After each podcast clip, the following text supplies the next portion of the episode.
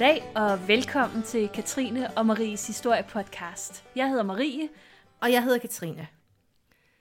I dag skal vi tale om Freddy Roosevelt. Vi skal ikke tale om 2. verdenskrig. Vi skal ikke tale om New Deal. Og vi skal ikke tale om, hvordan han var præsident i hele fire perioder. I stedet skal vi tale om manden og sygdommen polio.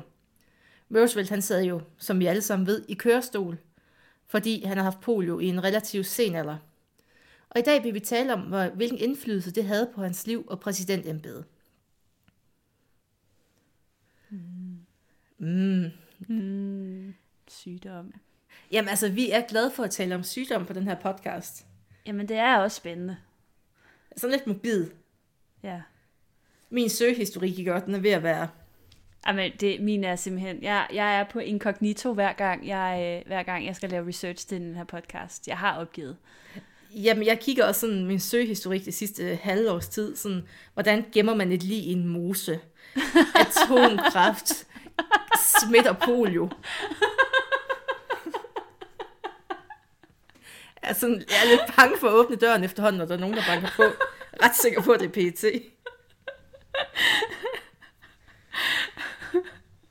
ja, det tror jeg, du bør være, faktisk. Ja. Nå. I øvrigt. Hvad, øh, hvad er polio egentlig for noget, Katrine? En polio. Altså, hvis man skal have et levende eksempel, som vi alle sammen kender, så skal I tænke på Charles Dickens et juleeventyr med Lille Tim. Mm. Lille Tim, han havde polio. Han humper rundt på sin lille krykke og har det generelt set rigtig skidt. Så det er sådan poster child for polio. Og det er en rimelig hæftig sygdom, hvis man får den. Det er, man kan også kalde det børnelammelse. Det er en akut infektionssygdom, der er forårsaget af poliovirus. Og det smitter igennem vand og føde, der er forurenet af afføring for smittede personer. Så det er næsten kolera om igen. Ja. Og der har været en del udbrud her, også i Danmark.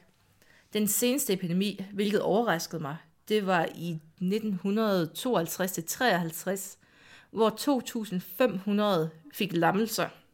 Altså her i Danmark? Her i Danmark. Så Vildt. Ja. haps. Øhm, virusen, den angriber rygmavens grå substans. Det er der, hvor ens nerveceller, de sidder. Og når de bliver angrebet, og hvis de får det, altså, hvis de får det dårligt, så kan de give lammelser. Og desuden så kan man også få lammet åndedrætsmuskulaturen, og det er der polio kan dræbe en. Ja, det er skidt. Generelt er det super træls, hvis ens åndedrætsmuskel ikke virker. Mm. Ja, og det kan faktisk... Fra, altså man er syg et lille stykke tid, og så lige pludselig, altså inden for timer, kan man blive lam. Okay. Og der er ikke nogen behandling, hvis du først er blevet lam. Så er det bare at genoptræne og håbe på det bedste. Hmm. Haps, haps. Så nu ved jeg ikke lige, hmm. polio i historien, du, sådan, du går lidt længere tilbage, end jeg gør. Ja, ja, altså polio har været, sandsynligvis været årsagen til, til lammelser og dødsfald gennem det, men, det meste af menneskehedens historie. Man mener, at sygdommen den var kendt i det gamle Ægypten, hvor afbildninger de viser folk med såkaldt visne lemmer, som man kalder det. Øhm, og så også små børn, der går med stok, ligesom Tim fra et juleeventyr. Den kendes også fra antikens Rom, hvor den romerske kejser øh, Claudius skulle have haft polio som barn efter sine, øh, hvilket forårsagede, at han haltede øh, resten af livet. Han blev altså ikke helt lam, men det havde nogen men for ham. Op igennem 17- og 1800-tallet, der begyndte man så småt at interessere sig for sygdommen, men sammenlignet med tidens øvrige overflødighedshorn af spændende epidemier, øh, så tiltrak polio sig ikke særlig meget opmærksomhed. Stakkels polio. Du fremhævede sig selv Charles Dickens øh, Et juleeventyr. Det er måske så et eksempel. Det kan godt være, at der er flere i littera- litteraturens historie, jeg ikke lige kender til. Jamen, der er nok Men det er ikke en... børn hister her. Ja, det er ikke noget, man har, man har beskæftiget sig så meget med. Den, det var også først i begyndelsen af 1900-tallet, at øh, polioen den faktisk begyndte at bryde ud som som epidemier, særligt i storbyerne og særligt i de varme sommermåneder, først i Europa og senere også i USA. Øh, og det var også der, at man for alvor begyndte at forske i sygdommen og dens årsager, og ikke mindst forebygningen af den. I løbet af de næste 100 år, der fejede den ene polioepidemi efter den anden hen over verden, og det blev altså en af det 20. århundredes mest frygtede sygdomme, og det var jo nok også især fordi den ramte rigtig mange børn, og der var jo mange børn, der, der desværre døde af det, eller fik, fik ret voldsomme men efter den. Som med så mange andre dødbringende sygdomme, så ramte den øh, dog også tilfældigt. Vi snakkede jo også om det øh, i vores pest- eller kolera-program. Øh, det ramte på tværs af samfundslag og alder, øh, og mænd børn viste sig at være mest udsat. I 1916 så udbrød den hidtil største polioepidemi i USA med over 27.000 registrerede tilfælde. Det er altså temmelig, temmelig meget, øh, og mere end 6.000 døde der var ikke den store forskel faktisk i, hvordan man håndterede polioepidemien i 1916 i forhold til den måde, man håndterede andre epidemier i historien, som vi for eksempel talte om i, i, i ja, pest eller kolera afsnittet, så foregik det ved karantæne af de syge. Man hang plakater op på de syges huse til advarsel for de raske, og hver dag bekendtgjorde man så, hvilke nye navne og adresser, der var under karantæne. Man lukkede teatrene, man aflyste offentlige møder, og så forbød man børn at opholde sig i forlystelsesparker og offentlige bade, og man forbød dem faktisk også at drikke vand fra springvand. Det synes jeg er sådan en... Jeg skulle da lige til at sige, hvis dine børn gør det, Ja, så, så beder de om det. Så er det lidt... Det, det skal man lade være med uanset, om der er polioepidemi eller Til vores yngste lyttere. Ikke drikke ja. springvand. Lad være med det. Som vi også så det med kolera, så forsøgte lægevidenskaben desperat at finde behandlingsmetoder, og folk blev udsat for mere eller mindre farlige forsøg undervejs. Det var jo først mange år senere, at de første øh, vacciner blev udviklet, og det vil du fortælle mere om, Katrine. Det vil jeg rigtig gerne. Den første polio-vaccine den blev udviklet af Jonas Salk, og den kom i brug i 1955. Det vil sige, at det ikke var til nogen hjælp for Roosevelt, men Nej. heldigvis for ja. os andre. Mm. Og den her vaccine, den forebygger polio. Og den bliver givet til børn, altså i Danmark i hvert fald, det er sådan en standard i pakken, man får det er sådan, jeg mener, det er 3, 5 og 12 måneders alderen, og så får man en opsamler i 5 års alderen. Mm-hmm. Og det har været med til at udrydde polio i Danmark, og vi har ikke set det siden 1976. Og i 1988, der vedtager WHO, at det er sådan en større kampagne for, at vi skal udrydde polio globalt. Og det er stort set lykkes i Europa, og i Amerika og Australien. Men der er flere lande i Afrika, Mellemøsten og Asien, hvor der stadig er sygdomstilfælde. Men Marie, nu har vi snakket ja. nok om polio. Jeg troede aldrig, jeg skulle sige det. Nej. Men skal vi godt snakke lidt om den kære Roosevelt? Jo, lad os gøre det. Fordi det er jo måske ikke alle, der lige har fuldstændig styr på, hvem han er. Som arkeolog, der må jeg sige, at, at det, det, jeg var en af dem, der lige skulle have nogle fakta på plads her i forbindelse med, med researchen. Øhm, Franklin Delano Roosevelt, han var en amerikansk politiker, og så var han også USA's præsident i perioden 1933 til 1945. Som årstallene de antyder, så blev han valgt til præsident, øh, præsidentembedet fire gange, og han er indtil videre den eneste præsident, amerikanske præsident, må jeg hellere understrege, der har siddet så længe. I alt 12 år blev det til. Og det kunne jo lade sig gøre, det kan det jo ikke i dag, men det kunne det dengang, fordi det var først i 1951, at man indførte ved lov, at en præsident kun kan sidde i to perioder. Og det er nok meget godt. Trods alt. Øh, intet ondt sagt om Roosevelt. Roosevelt han blev født i øh, 1882, og så voksede han op i et overklasse hjem i Hyde Park i staten New York. Han studerede på de prestigefyldte universiteter Harvard og Columbia, og han fik også en juridisk embedseksamen, selvom han efter sine ikke gjorde det store nummer ud af sine studier, og så opnåede han vist heller aldrig en sådan rigtig akademisk grad, men han fik sådan en halv eksamen med sig derfra i hvert fald. Ligesom alle gode politikere. Sådan der. Præcis.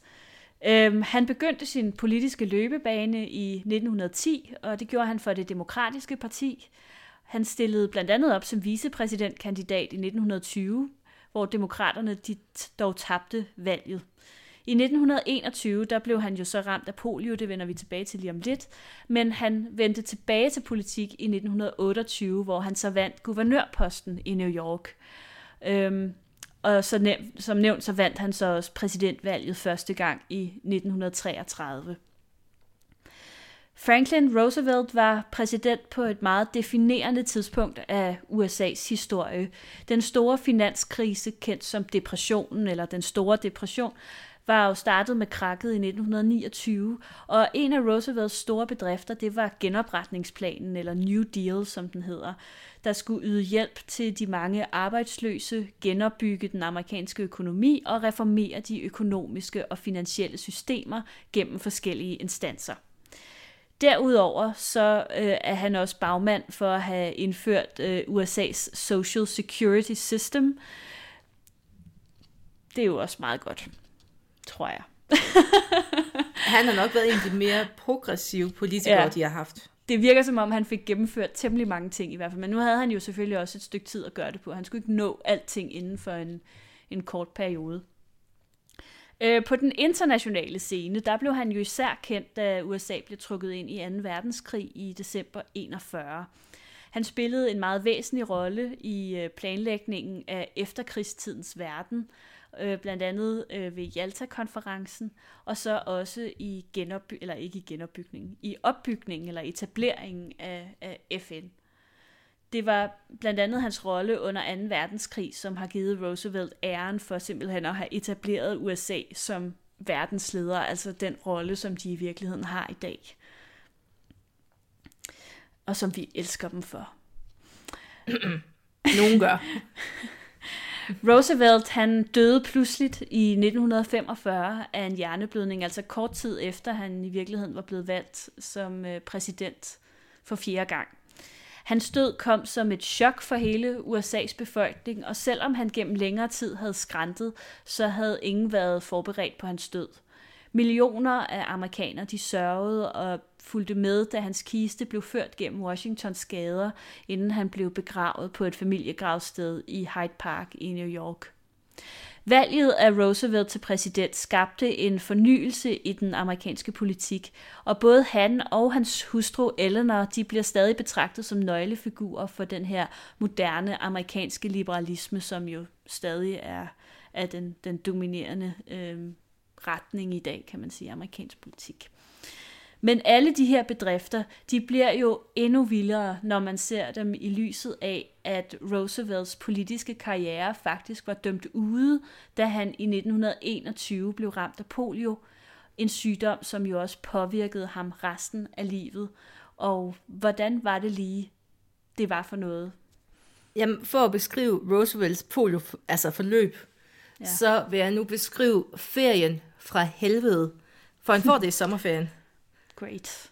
Så nu gennemgår vi bare ferien, så må I forestille jer de postkort, der er blevet skrevet hjem. Var det mandag? Jeg må gå tilbage i kalenderen, for jeg kan ikke helt fortælle, hvilken dag det er. Jeg kan give datoer, mm. så vi kan sådan regne os tilbage. Ja, Men det er, altså, det er sikkert en mandag. sikkert. Roosevelt han arbejdede i New York. Men familien de havde et sommerhus på Campbello Island, en kanadisk ø lidt uden for Maine. Og konen, altså Eleanor og de fem børn, de var allerede taget afsted. Roosevelt han skulle lige ordne et par ting. Han havde en høring i Washington. Han skulle arbejde lidt med sine drengespejder. Han var protektor for dem. Det er rigtigt, ja. Ja, jeg, jeg skal, I mine noter mm. står der bare arbejde med drengespejder. og så skulle han lige fikse lidt gamle papir for floden, så han kom lidt senere. Mm. Men den 5. august, så kunne han endelig tage afsted. Og han havde sin politiske ven, Louis Hove, Hove og hans familie med også. Og den første dag på ferien, det bruger han egentlig bare på at tale forretning med Hove, og han planlægger en fisketur næste dag. Og Eleanor, hun noterer sig godt nok, at han ser en smule træt ud. Men det lægger hun ikke noget i, for han er jo lige, han er jo lige kommet fra arbejde. Første dag på ferien, så Mm, der må man godt se træt ud. ja, det må man godt. Det er helt i orden. Mm. Den 9. august, der er han ude og fiske. Han står ved sin båd, og han er i gang med at putte mad på krogen. Og så lige pludselig, så falder han i vandet. Og det tilskriver man senere, at det er nok her, at sygdommen den begynder at tage fat. At han ikke kan stå oprejst længere. Okay. Den Det ti- simpelthen så hurtigt. Jamen, at der begynder, der lige kommer sådan en lille switch i nervesystemet. Mm. At Ja. nu begynder det at presse. Mhm. Den 10. har han det dog godt igen, og han har det hyggeligt med familien. De er ude at løbe og ude at svømme, og han leger med børnene. Han løb om kap med sine to sønner tilbage til sommerhuset, efter de var været nede ved vandet. Og det er super godt. Men bagefter, så begynder han at klage over kuldegysninger, han har kvalme, og han har smerter i den nederste del af ryggen. Så han har det faktisk så dårligt, at han går tidligt i seng. Men de her kuldegysninger, de bliver ved over natten. Næste morgen, den 11., der vågner han, og der synes han, at hans højre knæ føles lidt svagt. Og han er begyndt at få feber, så han aflyser den campingtur, de havde planlagt den dag. Eleanor, hun er sådan lidt bekymret, så hun ringer efter en læge, og lægen, han, lægen han vurderer, at det er nok bare en sommerinfluenza, som det nu er. Mm. Men hen ad eftermiddagen, så kan han ikke støtte på sit højre knæ, og om aftenen, der begynder hans venstre knæ også at drille. Nå, igen så går han i seng og håber på, at det er bedre i morgen. Det er det så ikke. Den 12. der begynder hans ben at føles gummi, sådan gummiagtige, og der kommer skud, sådan smerteagtige skud igennem ben og ryg. Om aftenen, der er hans ben lamme, og han er ondt, og hans hud den er hypersensitiv, så det vil sige, at når nogen rører ved ham, så gør det ondt lige meget, hvor det er. Hans feber, den er steget, og nu kunne han heller ikke tisse eller styre sin afføring selv. mm, Ja. Nå. Det er jo, det er jo skønt. Ja, den 13. så er han så lam for brystet og ned. Og han får lagt kateter ind, og han skal have hjælpes med at komme af med sin afføring. Mm. Så nu mm. tænker de, vi skal nok ikke snakke på landsbylægen længere. Det virker ikke til, at det er en influenza, det her. Okay, det går først op for dem der, eller hvad? Det er en meget kraftig influenza. Hold op. Yes, så kommer der en ny læge ved navn Keen, og han kigger lidt på ham og siger, det er en blodprop i den nederste del af rygsøjlen. Løsningen er, du skal have lidt massage på benet, så blodgennemførelsen den sådan løsner blodproppen. Og grunden til, at du har fået den her blodprop, det er fordi, at du blev kold, da du faldt i vandet. Hvis I husker tilbage. Mm-hmm. Og han siger til Roosevelt, jamen det er midlertidigt, du er op og løbe igen om et par dage. Og så uden for døren, så siger han til konen Eleanor, det kunne godt tage et par måneder det her. Dejligt. Og så i retrospekt, så er der mange, der har sagt, at lægen han skulle nok ikke have ignoreret symptomerne på en infektion. At der var feber og kuldegysninger, det kunne godt tyde på, at det var noget andet end en blodprop. Ja. Man plejer ikke at få feber, når man har en blodprop, kan man det? Nej, men nu har jeg ikke haft det, men jeg tror det ikke. Nej. Nå, men Eleanor, hun er jo en god kone, så hun skaffer hurtigt en, der kan massere Roosevelts ben. Men det er ikke super behageligt for Franklin, fordi at, øh, det, han er jo hypersensitiv nu, så hver gang der er nogen, der trykker, så gør det vildt ondt på ham. Mm. Så han har bare en fest de her dage. Den 15. der skriver Roosevelts ven Hove, ham han rejste afsted med, hjem til Washington, at det er Franklin, han- altså Roosevelt han er syg, og at Roosevelts børn udviser samme symptomer som ham nu. Okay. Og han undrer sig lidt, for børnene, de kan jo ikke blive smittet med en blodprop. Rent logisk. Nej. Næste dag, så kommer den fantastiske blodpropslæge og siger, at det er måske ikke en blodprop alligevel. Og så, han siger ikke rigtig mere, han vedlægger bare regningen på 600 dollars. Han skal lige tilbage til bøgerne og læse lidt på det her. Mm-hmm. Mm. Jamen, det er simpelthen et studie i læger, det her. Det er så... De er bare mennesker jo. Ja. I mellemtiden så er Hoves brev blevet modtaget i Washington. Og modtageren Delano, han har nogle forbindelser til lægeverdenen, så han tænker, måske jeg lige skulle ringe til dem og spørge, hvad de synes. Og de siger alle sammen, at det her det er ikke en blodprop. Og der er især en, Dr. Parker, som siger, at det kunne godt være polio, det her. Og så begynder julen at rulle, at der bliver ringet rundt blandt de her læger, og de vil egentlig godt ud og have en rygmarvsprøve for at fastslå, hvad der foregik. Fordi en rygmarvsprøve, den vil vise, om det var polio. Mm. Det er fordi, så er der flere hvide blodlemmer, fordi de vil prøve at sådan fight den her infektion. Ja. Så de skal have sendt en kvalificeret læge op til ham, så de kan have taget den her rygmavsprøve. For det, det kræver sådan en lidt anden type læge. Ja. Ja. Og Roosevelt, han er, han er stadig syg, han har stadig feber. Han er stadig lammet, han kan stadig ikke tisse. Og lægen, de kigger på mig og siger, du har polio, min ven. Og løsningen bliver, at han får en sygeplejerske udskrevet til ham, og så skal han egentlig bare tage den med ro. Ro, ro, ro. Fordi man kan jo ikke gøre noget ved den her sygdom. Så ikke mere massage heller. Der er ikke mere massage til ham. Og Hvad så med ligger de- han... Ja. Ja. Hvad med børnene? Fik de, fik de Jamen- også polio, eller hvad? Jamen, børnene, eller det de- kommer det. Jamen, børnene, de kom, kom så egentlig over det ret hurtigt. Okay. På en, de var i den heldige del, ja. Så vidt jeg kan læse mig frem til. Ja. Der hvor det kun er sådan en, en udgave af influenza, mere eller mindre. Ja. Men han fik det slemt. Så ligger han egentlig i sommerhuset indtil september, hvor han under altså, en virkelig lang og smertefuld tur bliver transporteret tilbage til New York. Og det er sådan noget med, at de leger en privat togvogn til ham, og får specialbygget en borg, han kan ligge på. Mm. Og så kommer han tilbage til New York, og hvor han så bliver indlagt på et hospital, og han har stadig smerter, og han har begyndt at få muskelspasmer oveni. Og, og derfor får han så lov til at ligge indtil slutningen af oktober, hvor han endelig bliver flyttet hjem. Herligt. Og det, det begynder lige så stille at gå bedre for ham. Hans ben, de virker ikke. Men han er begyndt at kunne bruge sine hænder igen. Sådan, sådan det største plus i det her. Ja. Men han ville ikke rigtig affinde sig med den her skæbne, fordi han var jo, altså han var en rimelig frisk fyr før. Så han prøver faktisk at træne det væk. Problemet er, at han træner formentlig for meget, fordi han ikke vil anerkende den her lammelse. Og det skinner jo egentlig også igennem i den måde, at det slog, altså påvirkede ham socialt på. Jeg var helt paf over den historie der. Ja. Jeg prøver, den der læge, jamen det, ja, jamen, jamen det er en helt- blodprop. Jamen, det er, jamen, jamen, ja, og stakkels mand, altså både Roosevelt, men, men også lægen et eller andet sted, som bare står, altså det er jo den der handlingslammethed, som vi jo også har set ved andre sygdomme, hvor at man simpelthen bare ikke, man kan bare ikke rigtig gøre noget. Jeg ved ikke, om hans alder, den snød lidt. Jamen, Fordi han var jo relativt gammel her.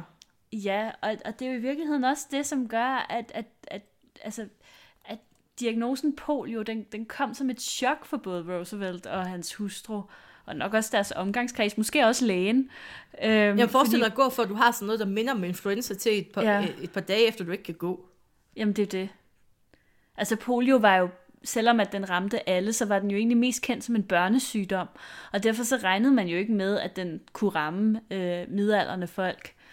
Øhm, og, og da det så står klart for, for Roosevelt, at, at lammelsen i hans ben, den er altså permanent. Han kommer aldrig til at gå igen. I hvert fald ikke sådan uden hjælpemidler. Øhm, så fik den her tidligere energiske og kronisk restløse øh, Øh, Roosevelt altså en, en depression, forståeligt nok, fordi ikke nok med, at, at altså, du er lam for livet, øh, på det her tidspunkt, der kunne det også meget vel øh, betyde, at hans politiske karriere, den simpelthen var over. Øhm, der var i USA, som der var ret mange andre steder øhm, i verden på det her tidspunkt, en holdning til handicappede, som ikke var så progressiv. Skal vi sige det sådan? Man kan jo sige, det- 10, år- en 10-15 år senere, så bliver de jo altså, rullet sammen over i Europa. Ja. Sådan. Der bliver de sendt i koncentrationslejre. Og selvom at, at, øh, at man jo aldrig i USA selvfølgelig behandlede handicappet helt lige så slemt, som Hitler gjorde, så var der altså meget af den samme Man vil ikke ansætte tanke dem. om... Nej, altså man mente jo, at hvis du er, hvis du er handicappet, så er du også dum i hovedet. Ja, og så skulle man var forsørge sig sin familie resten af livet, Ja. og så... Ja, altså, det er og, og, og jeg, man kan jo sagtens forstå, at en mand som før, han, har bare, han var bare frem i skoene, han kunne det hele, han, øh, han havde en strålende karriere foran sig, og lige pludselig bliver ramt af det her. Det ville jo være et chok for hvem som helst. Altså, jeg, jeg ville også formentlig reagere på samme måde. Det ville du nok også. Øh, men men det, det, det, det ramte ham hårdt, det her. Og Øh, de følgende år, det blev en kamp for ham, og, og også hans nærmeste, om både at acceptere den her, de her nye livsvilkår, øhm, og, øh, og så selvfølgelig på en eller anden måde bearbejde det og, og komme videre med det. Øhm, en af de måder, han, han gjorde det på, det var ved at købe en husbåd, fordi han mente jo, det var der mange, der gjorde på det her tidspunkt, at, at øh, varme og, øh, og øh, varmt vand og varme, Han det var brugte jo godt. også meget tid på at opsøge varme kilder. Ja, Jeg men mener, han var købte et- jo faktisk ja. et kurssted over i Georgia. Ja, Warm Springs, hvor han Ja, lå lige præcis. Ja, ja. hyggede sig. Men vandterapi var jo også en af de udbredte behandlinger, quote Ja. on quote, ja. til den behandlingsfrie poliolammelse. Ja. Ja. Det er jo det. Øhm, og det har sikkert også været lindrende. Altså, det kan man jo sagtens forestille sig, hvis, hvis, øh, hvis, hvis det var noget. Men øh, det har jo ikke behandlet noget. Han kommer Øh, ikke til at gå altså- igen, så... Nej, det gjorde han ikke. Men altså, han købte blandt andet den her husbåd, og så rejste han alene rundt i Florida Keys i, i vintermånederne, hvor han fiskede og svømmede og havde det rart. Øh, til synligheden ikke havde nogen sådan særlig kontakt med sin familie. Han så sin kone meget få gange i løbet af de her år, øhm, og, og efter sine stort set slet ikke sine børn. Øhm, men det var jo også en anden tid, kan man sige, hvor at, øh, forældre måske ikke havde det store forhold til deres børn. De kan fædre klare sig selv. de kan klare sig selv. Gradvist så kunne hans øh, venner fornemme en ændring i hans personlighed. Han blev mere afbalanceret, og han blev mere tålmodig og mere handlekraftig. Og det tyder jo nok på, at han efterhånden ligesom er kommet til den her erkendelse, okay, such is life, og øh, nu, må jeg, nu må jeg videre med det. Øhm, han, har jo, han har jo faktisk citeret, øh, han har, der er et meget berømt citat af, af Roosevelt, øhm, som er noget i retning af, at, at man er ikke en, hvordan er det nu, man er ikke en fange af sit, øh, af sin skæbne, øh, men kun af sin hjerne, hvis man kan sige det. Altså at, at du, du skal ligesom, du kan sagtens, du, du skal ikke bare acceptere den skæbne, du nu har fået. Du, det er kun, du skal selv ud og, og kæmpe imod det, ikke? Øhm, Jamen altså, man kan jo også sige, at man skal trække en parallel til den anden Roosevelt. ja, Hans kone og mor døde jo samme dag. Og hans ja. løsning på problemet var jo at efterlade sin nyfødte datter og tage ud og blive sheriff ude i det vilde vesten. Og det var jo også under mantraet, at, øh, altså, at man kan ikke blive fanget af dårlige følelser, hvis man bliver ved med at bevæge sig. Det ved Nej. jeg godt er lidt svært, hvis man har polio, men principielt. Ja, præcis. ja, ja, men altså det... right. øhm, Roosevelt, han var altså blevet fast besluttet på ikke at lade sig begrænse af sit handicap. Han, øh, hans kandida- han, han øh, meldte sit kandidatur til posten som guvernør i staten New York, og øh, som udgangspunkt så blev det her kandidatur kaldt for ynkeligt af de andre og af medierne eller pressen. Øhm, og, og det siger jo også noget om den her holdning, der var til, til handicappede folk. Altså, hvad, hvad troede han selv, at han kunne vinde noget som helst, når han sad i kørestol? Altså, hvor han blev binde gal. Men han gjorde jo kritikken til skamme og vandt valget stort i 1928. Og øh, det var jo bare optakten, fordi i 1933, der stillede han altså op til præsidentvalget. Og hvordan gik det så? Skal vi lige have et fun fact først med hans guvernørpost? Yes. Han skulle jo flyttes ind i en guvernørbolig, men der gik lidt tid, før han kunne flytte ind, for den skulle faktisk også handicapvenlig med ramper og elevator. Selvfølgelig. Og det var vist nok den første statsejede bolig i USA, der blev handicapvenlig. Okay. Ja, Nej, hvor fint. Ja, ja. go him. Altså, jeg hæpper på Go ham him. hele vejen. Ja, jamen, det, han, er, han er mega sej. Han er så boss. Det er Mm. han. Han bliver valgt som præsident, men han stiller faktisk op som den første kandidat nogensinde med hele partiet i ryggen. Dengang var det ikke ligesom i dag, hvor at kandidaten skal udpege partiet. Det var ikke kutyme dengang, men han var faktisk den første, der blev det. Så det viser jo også, at der var en tillid i partiet til ham som politiker.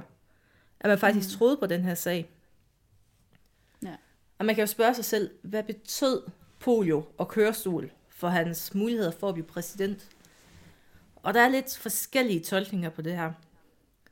Der er en historiker, der hedder James Tobin, og han har skrevet i sin bog Roosevelt, The Man He Became, How to, He Defied Polio to Win the Presidency. altså, så har man virkelig også en titel på en bog. Det må man sige. Men han ser det jo faktisk som en positiv ting, at han sad i kørestol. Fordi han, Freddy han var, eller Roosevelt, han var jo nu, altså en fighter, skråstrej underdog, og det har man ikke set før i USA til præsidentvalget. Man havde ikke set en kandidat, der var menneskelig og svag på den måde, men stadig kæmpede mod alle odds. Du ved, The American Dream. Mm, præcis. At man ja. kæmper sig op på sine meritter. Ja. Så på den ene side kunne det jo være super godt for hans præsidentembede. Mm. Ja. Og spørgsmålet om hans selvbred, det var vigtigt for nogen, om han sådan var up to the challenge. Mm. Og han skjulte jo aldrig, at han havde været syg, og han havde en kørestol. Men ofte skjulte han, hvor syg han var. Altså, han trænede sig selv op til at gå korte distancer. Og det var sådan noget med, at han havde en jernbøjle på hoften og ned på lårbenet. Og så kunne han på en eller anden måde sådan støtte sig til en anden, sådan skyde sin overkrop frem, så hans ben bevægede sig. Ja. Fordi han ville gerne kunne gå de her korte distancer, så folk kunne se, at han Ja, kunne overkomme det her. Ja. Og så også hver gang han holdt tale, så var det jo bag et podium, hvor han enten kunne sidde ned eller støtte sig til noget. Mm. Det er også derfor, at man, han bevæger jo kun hovedet, når han holder taler. Det var der, hans gest- gestikulering lå. Det var ikke Ja. hovedet. Ja, han kunne max måske lige løfte en, en enkelt hånd eller et eller andet. Præcis. Men, øh, ja. Så der er mange, der er anden, altså mange historikere, der ikke ser kørestolen som mm. en hæmmende faktor for Roosevelt. Nej, nej. Men altså, han, han ville jo heller ikke have, at det skulle definere ham eller stjæle opmærksomheden fra ham. Han er jo citeret for at kalde det for øh, sob-stuff, eller hvad, hvad var det, vi snakkede om tidligere, vi kunne kalde det? Ynkehistoriker. En ynkehistorie, altså at han ville ikke have medlidenhed for det her. Folk skulle ikke, folk skulle ikke stemme på ham, fordi de havde ondt af ham. Øhm, han kom også fra den her overklasse baggrund jo, og der er også nogen, som har skrevet om, at, at, at det var jo det var en baggrund, hvor man ligesom bliver hærdet på en eller anden måde. Man taler ikke om sådan nogle ting. Man taler ikke om problemer og den slags. Så han ville heller ikke have, at det var noget, der skulle fylde noget nogle steder. Altså man har jo snakket meget om, hvorvidt han decideret forsøgte at skjule sit handicap, om det ligefrem var sådan en statshemmelighed. Øhm, men det var jo ikke, fordi han sådan nogensinde egentlig benægtede, at han havde mistet førligheden i begge sine ben. Øh, og det var heller ikke, fordi medierne aldrig skrev om, at han havde haft polio. Men som du, øh, eller det ved jeg ikke, om du sagde, men, men han, han, det blev ofte beskrevet som en sygdom, han havde haft en gang, og at han nu havde overkommet den. Og det havde han jo på sin vis også. Øh, han var jo ikke syg mere, øh, men, men han havde jo selvfølgelig mistet førligheden i benene, så, så han havde jo ikke på den måde overkommet sygdommen. Han var jo ikke rask, som han var før. Han blev herre over sin egen sygdom, tror jeg. At det er Ja, den det kan man sige. vinkel, man kørte på det. Ja. Alligevel så spekuleres der jo i, om det, blev holdt, om det blev holdt hemmeligt i den brede offentlighed. Og en af årsagerne til, at det skulle holdes hemmeligt, det var jo netop den her problematik, der var omkring forholdet til, til handicappede. Men øhm, der findes ikke nogen officielle fotos af, af Roosevelt i, en, i kørestol, og han frabad sig også, at der blev taget billeder af ham, når han sad i kørestol, eller blev hjulpet ud af biler. Øhm, hvis hans livvagter så, at en fotograf alligevel dristede sig til det, så beslaglagde de kameraet og rev filmen ud. Så alle officielle fotos, de viser ham siddende. Du nævnte, at der er det der fotografi fra, øh, er det Jalta-konferencen, Yep. øh, med Stalin og Churchill, hvor de sidder tre øh, mænd der. Og hvor det oprindeligt var meningen, at Churchill og Stalin, de skulle stå op, men så ville de sidde ned af respekt for, for Roosevelt. Og det er en meget fin gestus, kan man sige. Good Når guy, Stalin. Lige, Han Churchill. lige præcis. Det var den ene gang, han var good guy. Øhm, som du også sagde før, så fik han ofte en talerstol, som han kunne støtte sig til, når han skulle holde taler, fordi dem holdt han jo kun stående. Øh, og hvis han ikke fik en talerstol, så var der altid en person med på scenen, som han ligesom kunne støtte sig til. Fordi han nægtede simpelthen at sidde ned i en kørestol og holde sine taler. Og derudover så fik han jo så også trænet sig til at gå de her korte afstande med den her slags protese, så han kunne på en eller anden måde opretholde en illusion af, at, øh, at, han, at han havde det godt, og at han havde det bedre, og at han fik det bedre hele tiden. Øhm, der var faktisk heller ikke rigtig øh, nogen af hans politiske modstandere, som brugte det her handicap imod ham. Og altså, Dengang det havde var man der- lidt mere klasse end visse andre. Ja, altså, Jeg, jeg, nævner ingen navne, ville... men Nej, okay. du sagde selvfølgelig, at Trump han, han ville måske ikke holde sig for god til det. Men, men så generelt set, så tror jeg måske trods alt ikke, at folk ville gå efter en, en modstander, der havde et handicap. Trods alt.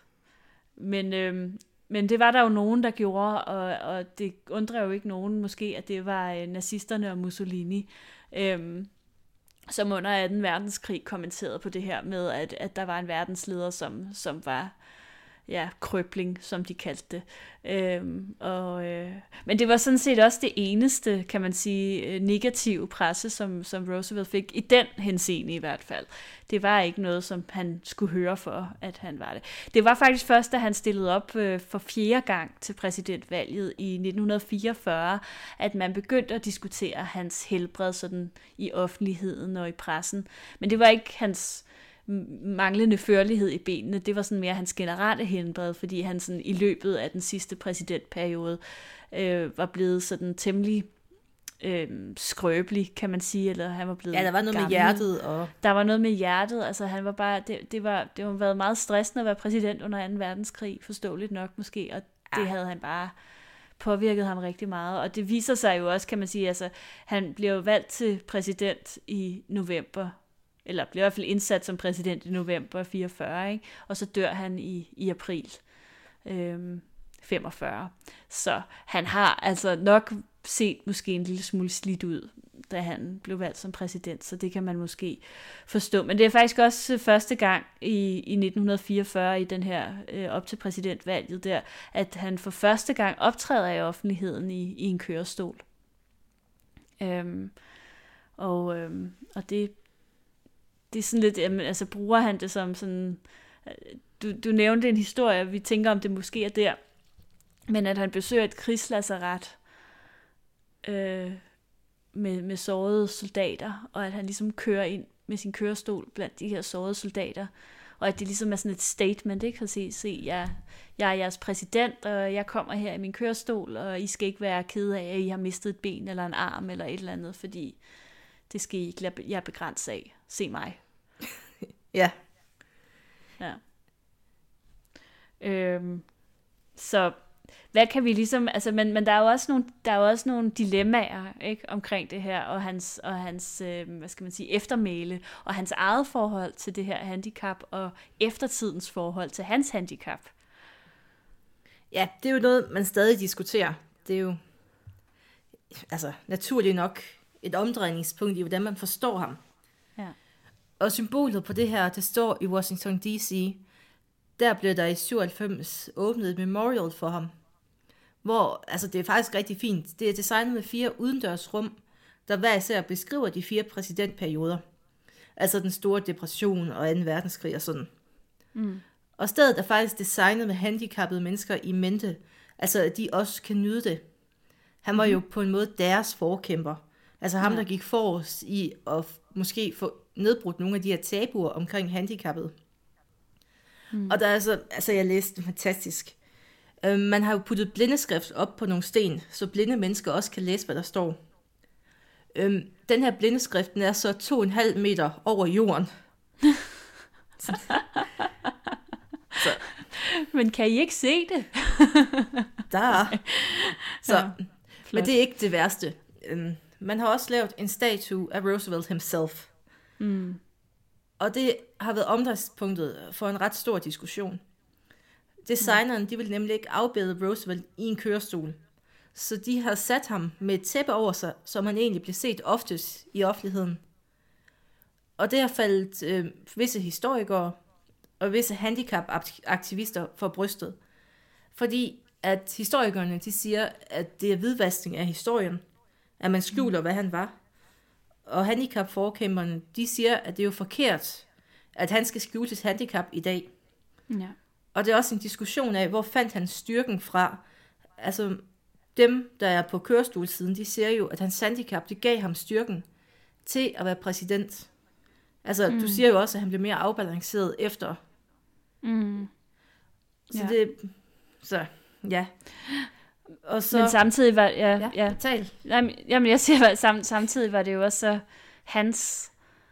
Altså, det er hans på en eller anden ønske. måde, ja, det var hans ønske ikke at blive afbildet i en, i en kørestol, jo. Nemlig, at han ikke vil ses som handicappet på den måde. Ja.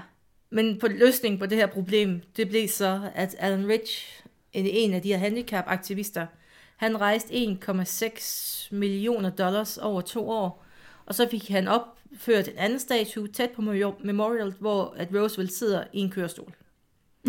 Så kompromis blev indgået, kan man sige. Det kan man sige. Ja. Men diskussionen Men det, er vel egentlig, ja. hvordan han skal ses for eftertiden. Ja. Altså, hvordan han selv så sig selv, eller hvordan vi gerne vil se ham. Ja. Det er jo det. Og det kan man jo så efterlade som et åbent spørgsmål, om man, om man skal respektere den måde, han så sig selv på, og gerne vil fremstille sig selv på, eller om vi skal på en måde være ligeglade med det, og så se på ham for det, vi gerne vil se, øh, minde, mindes, minde ham for. Præcis, Marie.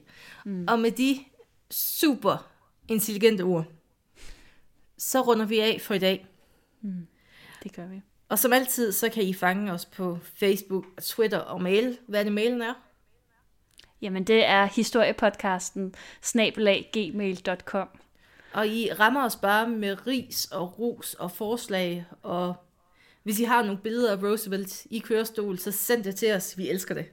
Vi vil rigtig gerne snakke med jer, og det er så sjovt allerede, synes jeg. Vi har det hyggeligt. Og ja, Ja. Vi, øh, vi høres ved. vi høres ved.